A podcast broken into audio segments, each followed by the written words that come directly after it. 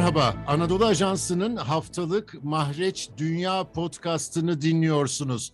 Konumuz İran'la yapılan nükleer müzakereler.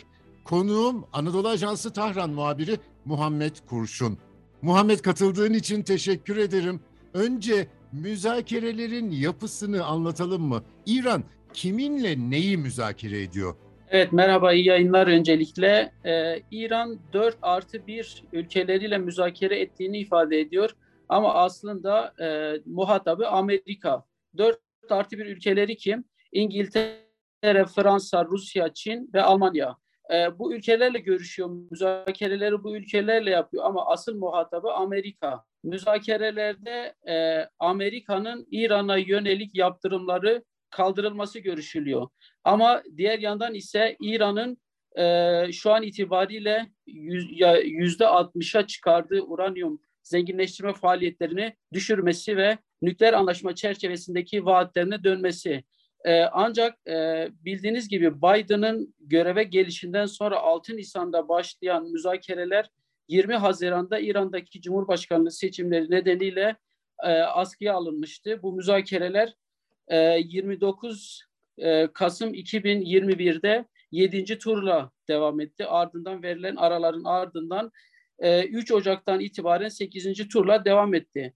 Gelinen aşamada İran e, olumlu açıklamalarda bulunuyor, iyimser. Ancak biz Batı tarafının bu kadar iyimser olduğunu görmüyoruz.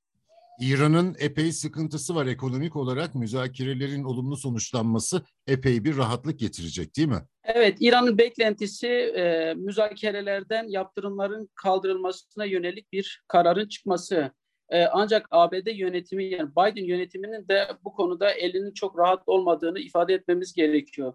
E, Cumhuriyetçiler e, sıkıştırıyor bir yandan, demokratların tamamının da İran'a yönelik yaptırımların kaldırmasından yana olduğunu söylemek güç. Çünkü İran e, füze programı ve bölgesel faaliyetler noktasında hiçbir şekilde geri adım atmayacağını ve bunların müzakere konusu olmayacağını e, vurguluyor.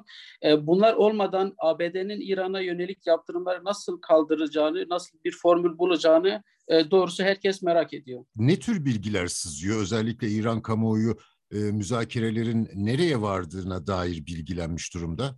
E, şu an itibariyle e, İran tarafının daha doğrusu İranlı baş müzakereci Ali Bakiri'nin açıklamalarından biz şunu anlıyoruz. İran tarafı diyor ki bizim önerilerimiz kabul edildi. Yani hangi öneriler? ABD yaptırımları kaldıracak.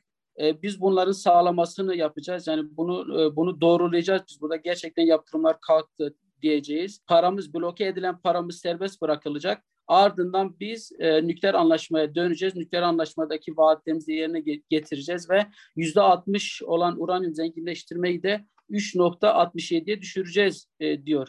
Ancak İran kamuoyunun e, çok da iyimser olmadığını görüyoruz biz e, e, sokakta, caddelerde, meydanlarda. İran e, halkında yani bu e, toplumda henüz karşılığını bulmuş değil. Ekonomide ekonomiye de henüz yansımış değil. Dolar hala olduğu yerde duruyor. E, çok yükselmedi. Yükselmesi yönünde bir beklenti vardı ancak iyimser açıklamalar e, doları bir yerde tuttu. Ancak biz yönetim erkinin, e, devlet yetkililerinin yaptığı açıklamaların e, sahadaki, e, toplumdaki karşılığını henüz görmüş değiliz. Peki nükleer faaliyetlerinin şu andaki durumunun silahlanmaya dönük olup olmadığı konusunda bir yorum var mı? Evet, e, İranlı yetkililer başta İran lideri Ali Hamaney yani devletin bir numarası Ali Hamaney bunun e, dinen haram olduğu yönünde bir fetva verdi. İranlı yetkililer bu fetvaya bağlı olduklarını ifade ediyorlar. Ancak şu an itibariyle İran uranyumu zenginleştirmede yüzde 60'a varmış durumda. E, bunun yüzde 90'a varması durumunda da nükleer e, silaha ulaşmış olacak, nükleer silah üretmiş olacak. Bununla ilgili olarak bazı yetkililer aslında geçen yıl e, suikaste uğrayan Muhsin Fahrizade, İran nükleer faaliyetlerin başında bulunan ismin nükleer enerjiden, nükleer e, faaliyetlerden atom bombası üretebilecek mekanizmayı da geliştirdiğine dair bazı açıklamalar var. E, bu bu yöndeki bilgiler buradaki basına da sızdı, uluslararası kamuoyuna da sızdı. E, yani şu an yüzde 60 olan e, uranyum zenginleştirmenin yüzde 90'a ulaşması durumunda nükleer silah elde edilmiş olacak. Ancak İranlar diyorlar ki e, nükleer anlaşma olmasa da biz artık yüzde 60'ın üzerine çıkmayacağız. Ve biz bu nükleer enerjiyi e, barışçıl faaliyetlerde kullanacağız. Tıpta kullanacağız, işte enerjide, elektrik enerjisinde ve buna benzer yerlerde kullanacağız diyor. Ancak uluslararası kamuoyu ve batılı ülkeler bu konuda ikna olmuş değil. E, her ne kadar e, İranlılar dinen haramdır, hiçbir bir şekilde biz e, nükleer silah üretmeyeceğiz dese de bu Avrupalıları, Batılıları ikna etmiyor. Burada tabii e, bu pazarlığı en yakından izleyen İsrail var. Bölgedeki tek e, azılı düşmanı. İsrail'in tutumu etkili oluyor mu İran'ın e, buradaki e, konuyu ele alış biçiminde? İran'ın geliştirdiği nükleer enerjiden endişeli olan iki ülke öne çıkıyor. Bir İsrail bir de Suudi Arabistan. İran e, şu an Viyana'daki nükleer müzakerelerle eş zamanlı olarak Suudi Arabistan'la da e, müzakereler yürütüyor, ilişkileri normalleştirmek istiyor. Bir diğer ülkede İsrail. E, Amerikan tarafı da sürekli olarak İsrail ile bu noktada görüşmelerde bulunuyor.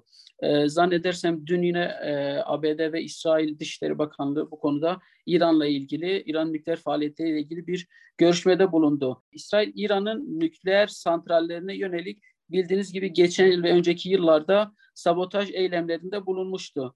Bu sene yine İran'ın en önemli nükleer e, tesisi, santrali olan e, Natanz, İsfahan'daki Natanz ve bu şehirdeki santrallerin yakınlarında patlama oldu. Bir geçen ay oldu bir de bu ay oldu. İranlılar bunun tatbikattan kaynaklı olduğunu açıkladılar. Ancak yine bir e, sabotaj eylemi ihtimali de gündeme geldi.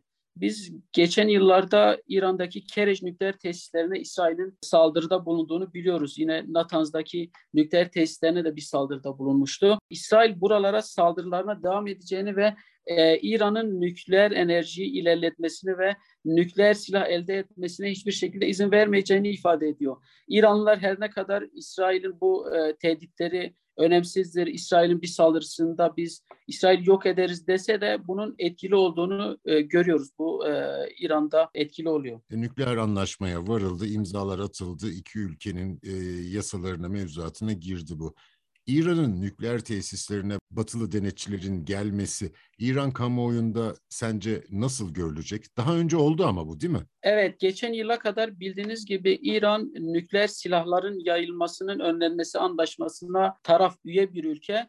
Ee, bunun dışında İran bir ek protokol de imzalayarak Atom Enerjisi Ajansı müfettişlerinin istedikleri zaman istedikleri şekilde e, buradaki nükleer tesisleri, nükleer santralleri denetleyebileceğini e, ne dair bir anlaşmayı kabul etmişti. E, ABD'nin nükleer anlaşmadan ayrılması, yaptırımları e, devre sokmasının ardından buradaki muhafazakar kesimlerin, radikal kesimlerin de etkisiyle İran buna sınırlama getirdi. Ve e, biliyorsunuz bu nükleer santrallerin deki faaliyetleri güvenlik kameralarıyla kayıt altına alıyorlar. İran buradaki kayıtları, bu kayıt e, bu görüntüleri e, Uluslararası Atom Enerjisi Ajansı ile paylaşmayacağını ifade ediyor.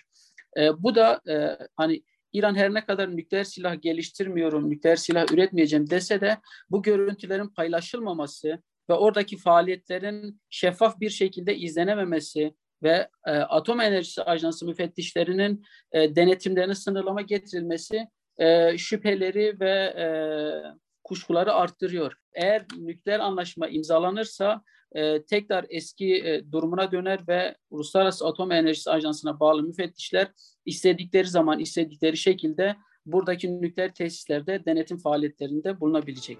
Tahran'daki Anadolu Ajansı muhabiri Muhammed Kurşun'a çok teşekkür ediyorum. Bizi hangi mecrada dinliyorsanız orada abone olmayı lütfen unutmayın. Hoşçakalın.